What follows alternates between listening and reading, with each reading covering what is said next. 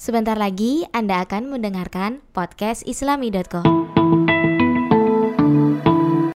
Karena selama ini kita menganggap e, sebagian muslim ya, sebagian muslim menganggap bahwa ya isinya Rasulullah itu ya kehidupan Rasulullah itu hanya berperang berperang berperang hmm. melawan pemeluk agama lain gitu. Nah, kita ingin menunjukkan bahwa ya ada fakta lain loh gitu. Hmm. Ada fakta lain bahwa kehidupan muslim itu nggak hanya disibukkan dengan peperangan terus gitu. Bahwa ada fakta-fakta lain yang Rasulullah itu juga berinteraksi dengan non muslim, kemudian berdialog dengan non muslim kemudian juga ber apa namanya memiliki perjanjian bilateral juga dengan hmm. kerajaan non muslim dan itu jarang sekali diketahui oleh uh, sebagian muslim gitu.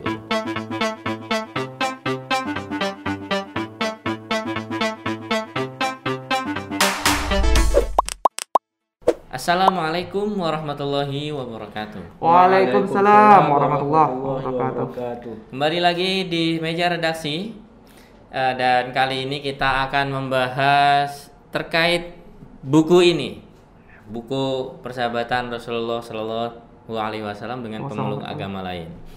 Nah, uh, ya ceritanya kemarin ya, uh, tahun kemarin ya, tahun kemarin banget, bulan kemarin, akhir tahun kita nerbitin buku ini dan buku ini sebenarnya adalah buku yang udah lama mau kita terbitin, tetapi ya karena beberapa hal akhirnya baru bisa diterbitin tahun 2020 kemarin. Jadi ceritanya memang terkait dengan eh, apa?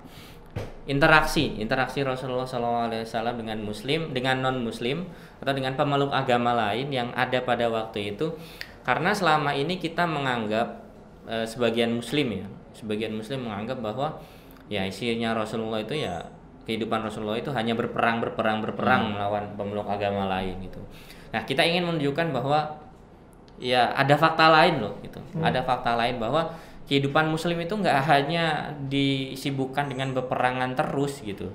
Bahwa ada fakta-fakta lain yang Rasulullah itu juga berinteraksi dengan non Muslim, kemudian berdialog dengan non Muslim, kemudian juga ber apa namanya memiliki perjanjian bilateral juga dengan hmm. kerajaan non muslim dan itu jarang sekali diketahui oleh uh, sebagian muslim yeah. gitu.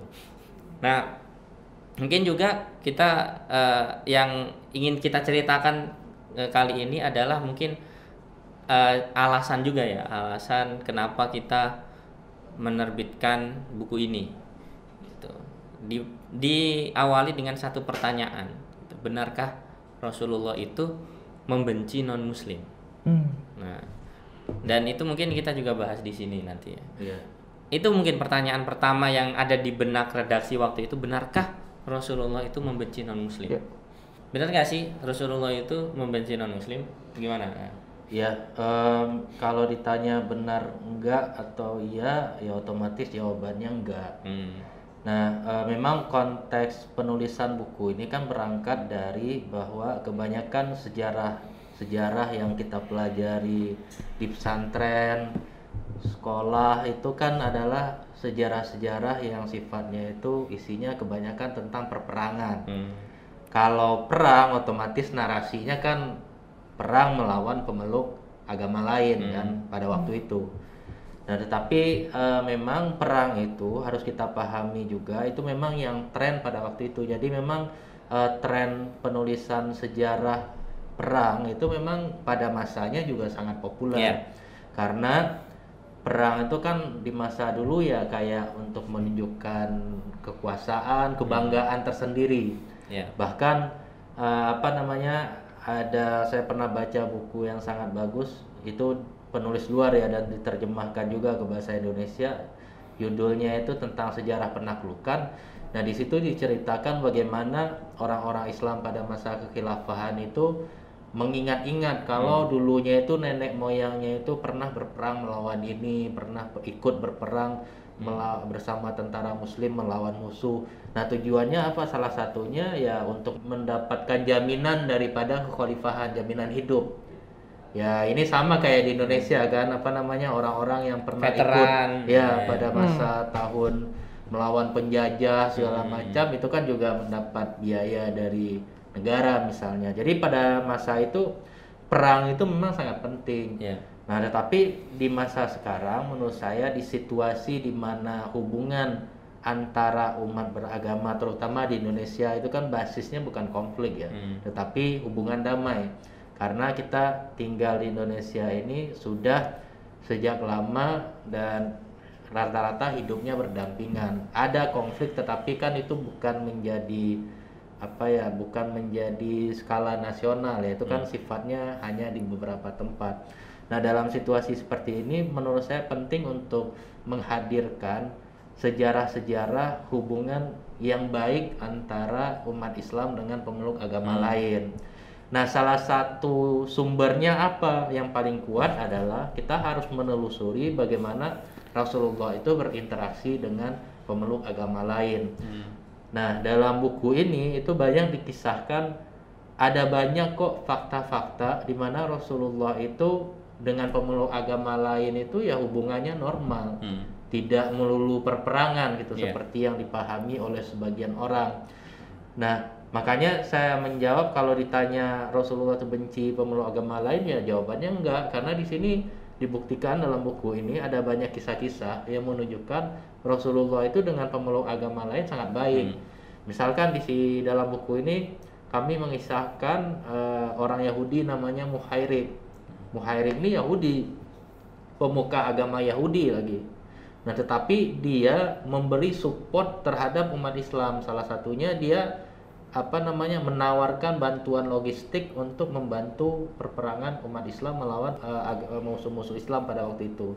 Bahkan ketika dia meninggal, dia mewakafkan lah ya, hmm. mewakafkan seluruh hartanya itu untuk perjuangan umat Islam. Tapi Muhairik dalam waktu dalam uh, posisi meninggal waktu itu masih dalam keadaan Yahudi. Iya, masih dalam keadaan hmm. uh, Yahudi. Yeah. Ya contoh yang paling dekat yang mungkin sering kita dengar waktu kecil, tapi kita tidak sadar ya paman Nabi yeah. sendiri kan. Yeah. Abu Thalib kan sampai akhir hayatnya itu kan hmm. wafat hmm. dalam keadaan tidak Islam kan yeah. menurut pendapat yang lebih hmm. kuat yang lebih umum kita dengar.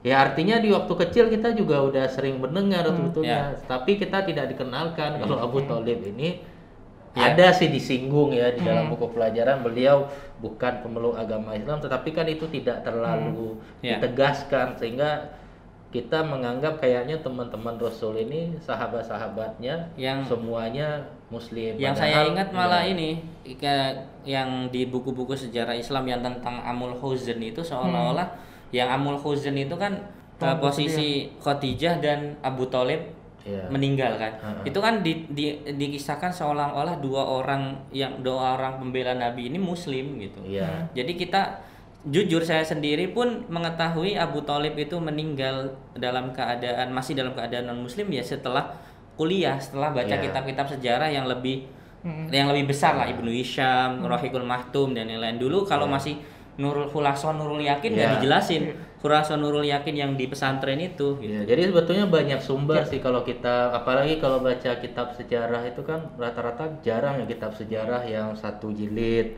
pasti biasanya berjilid-jilid yeah. kan. Nah hanya saja yang kemudian disarikan yeah. menjadi kurikulum hmm. pesantren di sekolah-sekolah itu sayangnya isinya kebanyakan memang bercerita tentang peperangan. peperangan itu tidak salah, tetapi perlu ditambah dengan sumber-sumber hmm. lain ya. Yeah. Di sisi lain juga menunjukkan kalau Nabi itu interaksinya tidak melulu perang gitu. Jadi hmm. jangan jangan nanti ketika anak-anak kecil ya atau hmm anak-anak yang hanya membaca buku itu nanti kesannya Islam itu yeah. isinya perperangan mulu mm. dan nggak baik juga nanti kesannya image-nya untuk orang-orang yeah. di luar Islam kesannya Islam itu agama perang padahal bukan mm. padahal Islam itu referensinya sangat kaya dan ada banyak referensi yang menunjukkan interaksinya itu justru interaksi damai hmm. gitu. Yang membedakan Islam dengan uh, sejarah peradaban Islam dengan peradaban Eropa adalah mungkin pencatatan sejarahnya juga. Yeah. Kalau Islam pencatatan sejarahnya dimulai dari Nabi Muhammad dari masa-masa perang itu dan bisa jadi juga dalam posisi yang sama di di, di Eropa juga ada peperangan gitu kan. Mm -hmm. Tetapi oleh Eropa eh, masa-masa uh, pada waktu itu nggak ditulis dalam sejarah. Yeah. Yang ditulis adalah pasca Renaissance.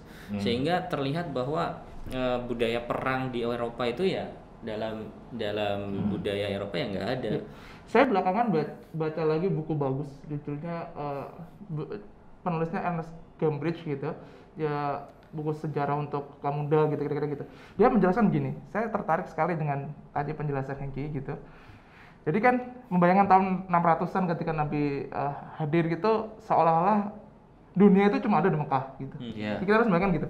Dunia ini di samping ya bumi ini Mekah cuma sekecil dan bahkan sejak dulu sebelum ada ini ia tidak terlalu dianggap sebenarnya yeah. jazirah Arab yang kering hmm. tidak ada kehidupan gitu. Yeah. Karena uh, sejarah peradaban ada di antara Sungai Indus, Mesopotamia gitu gitu. Yeah. Nah, ketika Arab hadir, ketika Nabi Muhammad hadir gitu ya. Hmm perang ini juga berkecamuk di tempat lain salah satunya yeah. adalah di Bizantium yeah. ha, hampir hampir runtuh sebenarnya perang-perang terus gitu ya karena manusia ini ngingetnya narasinya adalah narasi heroisme hmm. nah heroisme itu dari mana sih ya dari peperangan gitu yeah. misal dan itu saya kira konteks untuk hari ini saya kira tidak terlalu tidak, tidak terlalu relevan yeah. ketika segala hal udah borderless gitu loh yeah, segala yeah. borderless kalau zaman dulu bayangin yeah. orang Arab mungkin menganggap matahari itu mengelilingi negaranya gitu. Ya. Bayangannya begitu loh ya. Dan perang perang pada masa waktu itu itu jangan kita pahami semuanya perang sifatnya fisik. Ya, betul. Jadi penaklukan pada masa dulu itu tidak melulu perang fisik.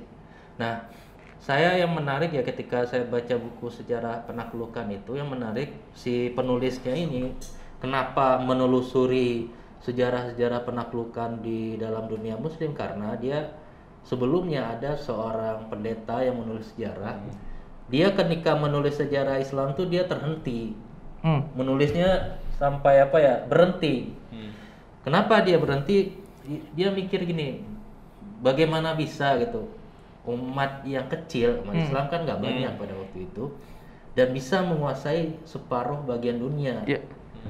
tanpa senjata yeah dan memang kebanyakan penaklukan yang diceritakan dalam buku itu memang penaklukan damai nah makanya si sejarawan ini dia berhenti nulis.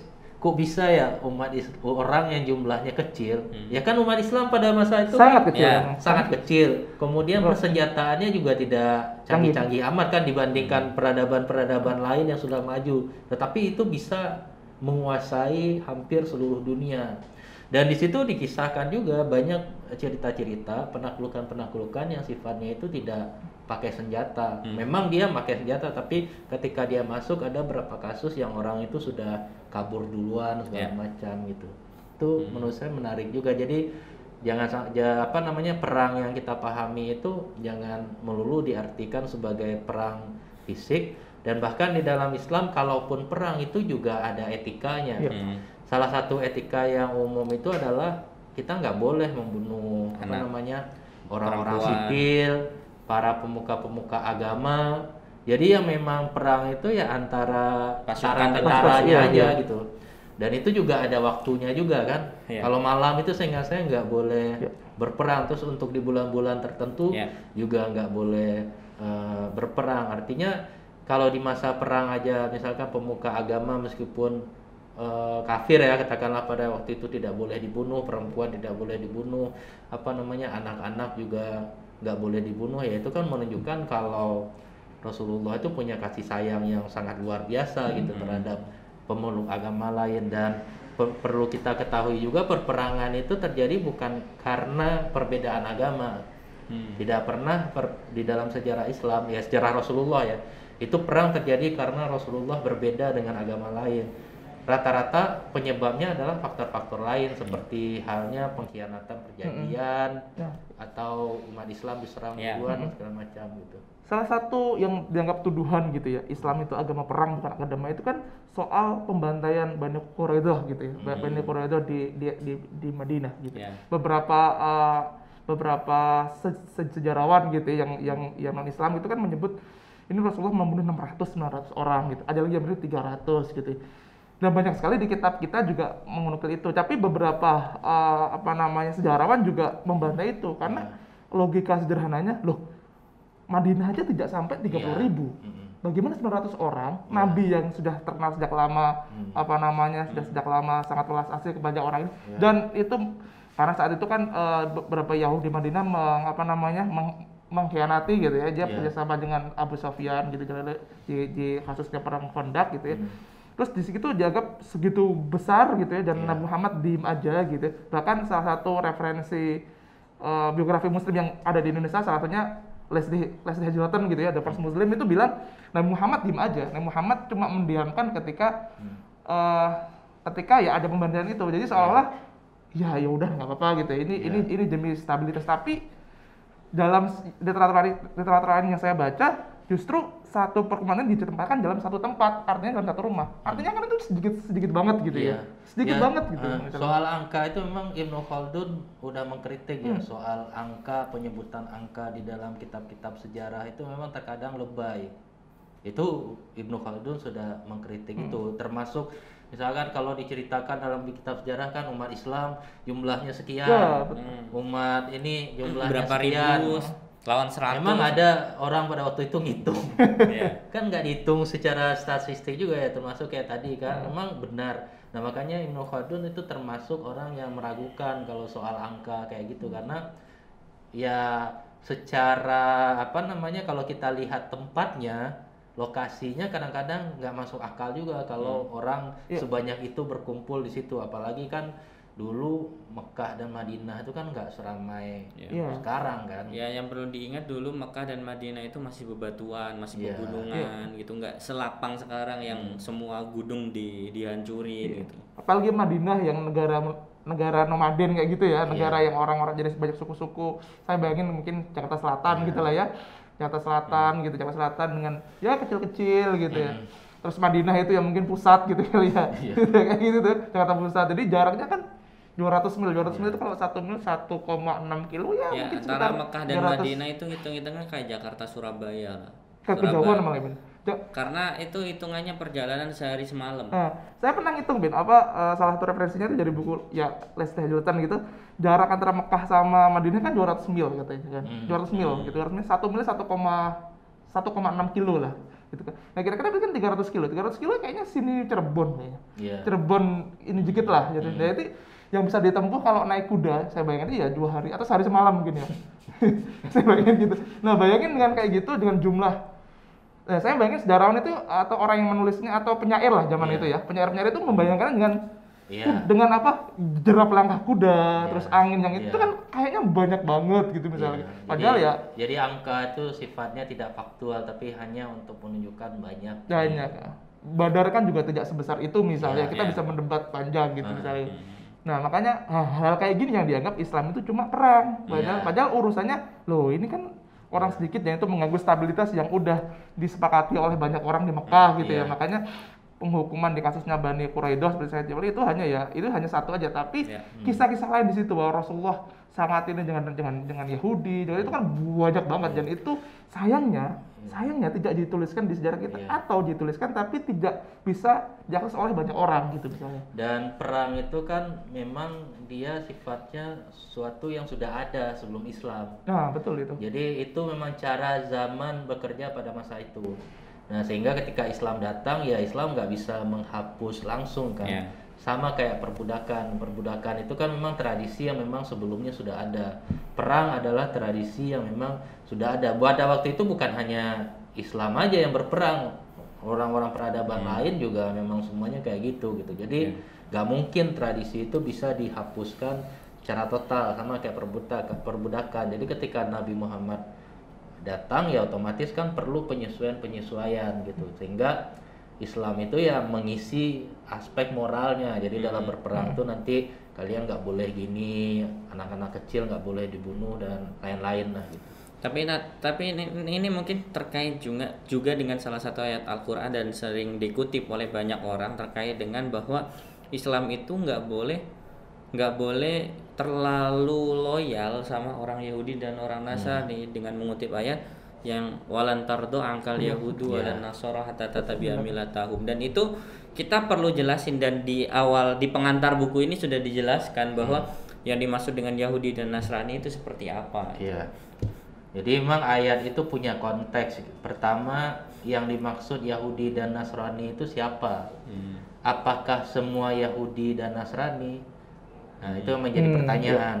Kalau memang semuanya, nanti masalahnya ayat itu akan bertentangan dengan fakta sejarah. Dalam buku ini yang kita tulis ya banyak juga orang Nasrani yang berbuat baik pada ya. Rasulullah, orang Yahudi yang juga baik terhadap ya. Rasulullah bahkan salah satu mertuanya Rasulullah sendiri Huyain bin Akhtab ya itu adalah orang Yahudi hmm. dan Rasulullah baik bahkan menikahi ya. uh, putrinya kan Maria Kipria ya.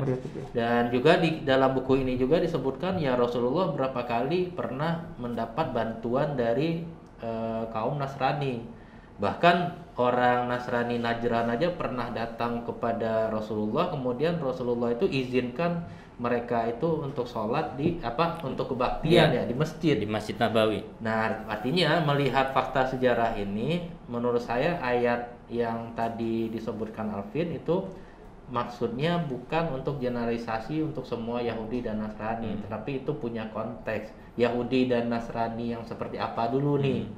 Nah itu yang perlu di apa namanya yang perlu ditafsirkan ya. uh, lebih lanjut, hmm. karena di dalam ayat lain juga surat Al-Mumtahanah ya, Al-Mumtahanah ayat 8 itu disebutkan bahwasanya orang Islam nggak masalah berbuat baik dan berbuat adil terhadap orang-orang non muslim yang memang tidak menyakiti umat Islam.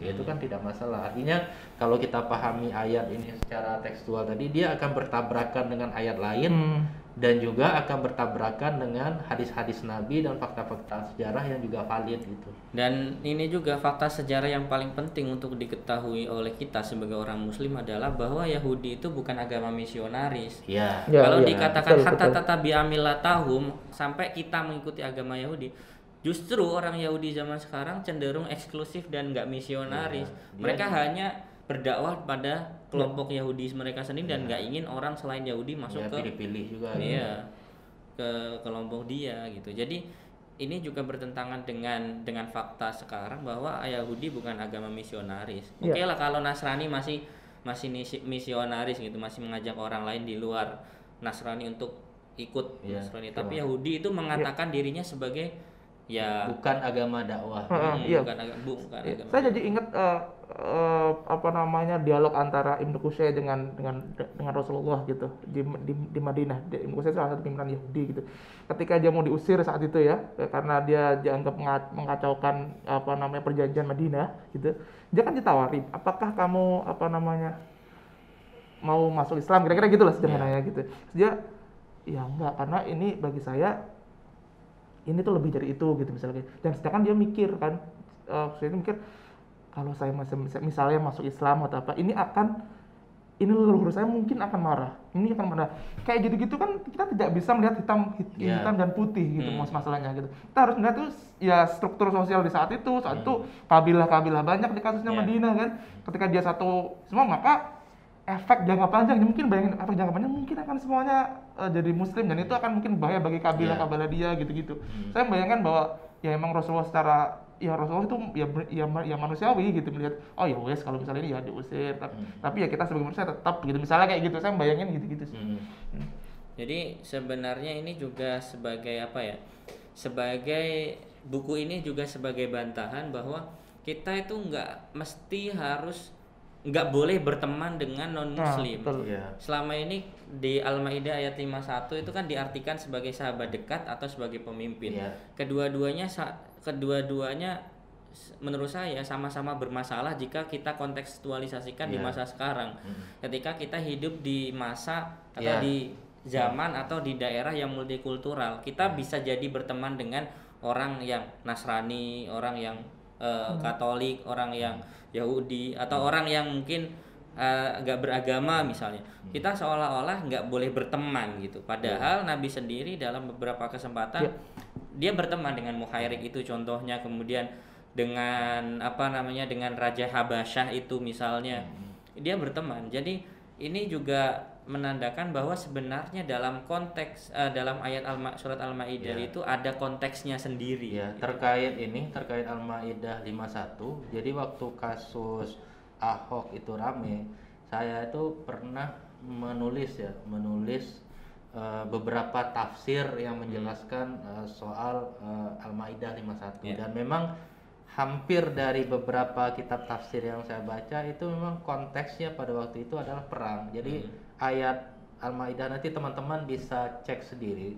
Saya ingat saya ya karena waktu itu saya membaca beberapa kitab tafsir itu konteksnya ayat itu turun dalam konteks konflik. Nah, di situ memang dilarang. Makanya kita menurut saya untuk memahami Al-Maidah 51 tidak perlu berdebat soal apakah maknanya teman atau pemimpin. Hmm. Karena dua-duanya apakah teman atau pemimpin itu akan benar yeah. kalau kita kembalikan pada konteksnya. Nah, konteks ayat itu kan memang konteks perang. Jadi kalau dalam konteks perang yang jangankan jadikan pemimpin, jadiin teman aja, itu nggak hmm. boleh. Yeah. Nah, kenapa? Karena di situ dikisahkan di dalam asbabun nuzulnya itu, kenapa tidak boleh menjadikan mereka sebagai aulia, hmm. musuh-musuh itu sebagai aulia karena nanti dia akan membocorkan rahasia-rahasia umat Islam. Yeah. Ya kalau mereka menjadikan misalkan musuh sebagai teman, ya otomatis kan loyalitasnya iya. akan dianggap berkurang kan hmm. oleh oleh sebagian umat Islam. Yeah. Nah, kemudian ada juga di dalam tafsir yang lain itu dikisahkan asbabun nuzulnya pada waktu itu orang-orang Islam yang berteman dengan kelompok-kelompok yang menjadi musuh Islam ini karena umat Islam pada waktu itu dianggap posisinya lemah, dia pindah agama ke hmm. agama lain. Tujuannya apa? Tujuan untuk mengamankan hmm, dirinya. Yeah. Jadi dia menjadi Yahudi, menjadi Nasrani, Kenapa? Karena menurut dia kalau perang umat Islam ini kalah, hmm. ya udahlah daripada saya mati terbunuh ya saya lebih baik pindah agama. Itu sebetulnya ayat ini respon terhadap orang-orang munafik. Hmm. Jadi orang-orang Islam yang berteman dengan pemeluk agama lain, tetapi tujuan mereka berteman ini adalah untuk melindungi diri mereka hmm. karena ada kekhawatiran umat Islam ini karena jumlahnya sedikit kalau perang ya khawatirnya ya. kalah. Jadi lagi-lagi Al-Maidah 51 itu menurut saya perlu dikembalikan iya. kepada yeah. uh, konteksnya gitu. Saya rasa Pak Pak Quraish Shihab dalam dalam hal surat Al-Maidah ayat 51 hmm. ini sudah cukup iya. komprehensif yeah. ya dengan menulis satu buku khusus terkait hal ini. Mungkin teman-teman nanti bisa dibaca hmm. bukunya di link di di bawah hmm. ya nanti ya. Gitu. Oke, saya kira okay. buku ini layak untuk dikoleksi lah untuk siapa pun yeah, lah. Yeah. Karena ini capture sisi lain Rasulullah yang mungkin jarang sekali dibicarakan orang. Yeah. Sisi manusia beliau, sisi, sisi beliau ketika berinteraksi dengan yeah. orang muslim. Jadi Sesuatu, dalam buku sejarah banyak, tapi orang banyak yang tidak membacanya. Dan gitu. mungkin ini juga bisa apa jadi jadi pegangan untuk para pemegang polisi ya, misalnya para kemenang atau yang lain bisa buku ini mungkin bisa jadi rujukan atau atau materi-materi dalam ya, buku ini bisa juga ya bisa dijadikan bahan ajar untuk sejarah-sejarah Islam untuk anak-anak uh, eh, SMP, ya. untuk anak-anak SD dan yang lain-lain gitu. Dan teman-teman juga buat anak-anak, buat anak-anak buku ini saya rasa cukup ini ya, cukup menarik karena dilengkapi dengan gambar-gambar. Jadi mungkin eh, anak-anak yang su kurang suka baca karena nggak ada gambar uh, membaca buku ini jadi suka baca dan mungkin mereka akan bangga karena akan menghatamkan buku ini gitu ya. Iya karena karena tipis. bukunya tipis dan penuh gambar dan isinya cerita-cerita gitu. Ya, teman-teman, itulah obrolan kita di meja redaksi terkait dengan buku ini dan buku ini masih bisa didapatkan di link di bawah ini dan juga bisa didapatkan di beberapa toko-toko buku terkait. Dan jangan lupa komen di bawah share dan subscribe. Jarang-jarang kita ngomong subscribe nih. Iya. Keceplosan aja tapi nggak apa-apa, subscribe untuk mendapatkan informasi terkait yep. channel islami.co. Demikian wassalamualaikum warahmatullahi wabarakatuh. Waalaikumsalam warahmatullahi wabarakatuh.